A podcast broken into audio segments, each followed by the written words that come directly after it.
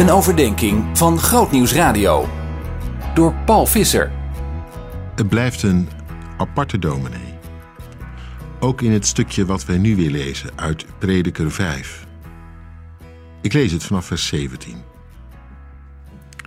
Het is daarom, zo heb ik ingezien, goed en weldadig voor de mens wanneer hij zich aan eten en drinken te goed doet en geniet van alles wat hij heeft verworven. Daar zwoegt hij voor, onder de zon gedurende het luttel aantal levensdagen dat hij van God gekregen heeft. Dat is wat hem is toebedeeld. Wanneer een mens geniet van rijkdom en bezit, wanneer hem dat door God wordt toegestaan als zijn rechtmatig deel, en hij zich verheugt in alles wat hij moeizaam heeft verworven, is dat een geschenk van God.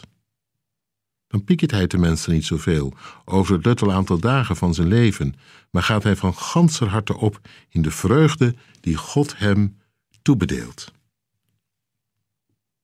Ik blijf het zo mooi vinden dat dit zo onbekommerd, onbevangen in de Bijbel staat. Dat de prediker geen enkele moeite doet om uh, hier ingehouden te spreken, integendeel. Dat hij zegt: ga niet alleen voor alles wat er moet, maar geniet vooral van alles wat je ontvangt. Daar is dus niks mis mee. Integendeel, hij beweert een en ander maal: dit is wat God je toebedeelt.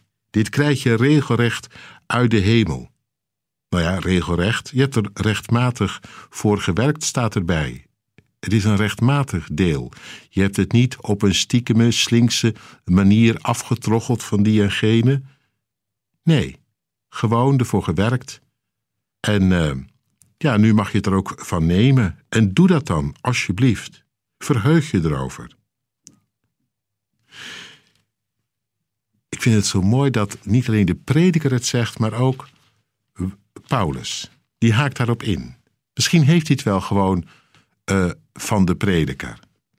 Paulus die wij altijd toch een beetje wegzetten als wat stijf, niet zo'n feestvierder.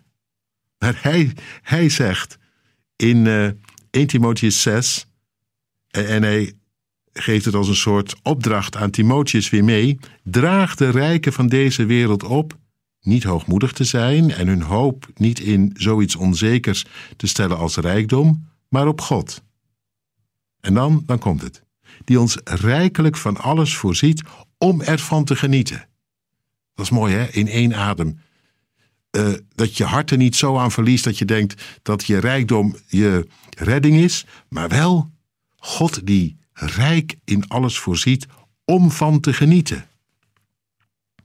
Je zou bijna zeggen dat elfde gebod, u zult genieten, dat komt eigenlijk regelrecht uit de Bijbel.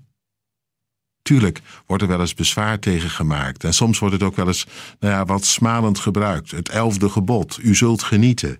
En dat begrijp ik ook wel als dat gebod helemaal losgemaakt wordt van God. En het een soort egoïstische, losgeslagen manier van leven wordt, waarbij je alleen maar denkt ja, aan je eigen belang en waar jij plezier aan beleeft, zonder oog en oor en hart voor de ander. De onmatigheid de boventoon voert en er eigenlijk niks meer overschiet voor degene die het zo nodig heeft. Weet je, Paulus hield dat bij elkaar. En uh, hij schrijft: Met dat God rijkelijk verleent om ervan te genieten, gaf hij het ook om rijk te zijn in goede daden, vrijgevig en bereid om te delen. Twee vliegen in één klap. Dat is mooi. Rijkdom om van te genieten, en dat staat zelfs voorop, en om goede daden te doen. Word je ook nog rijk in God, een loon in de hemel, zo noemde Jezus dat. Ik vind dat een prachtige combinatie. Het geeft ook ruimte om onbevangen met het goede van de aarde en zelfs met, uh, met rijkdom en succes om te gaan. Als de ander er maar niet bij inschiet, dan hoef jij niet benepen te doen. Bovendien zegt de prediker: Weet je, het helpt heel erg tegen gepieker.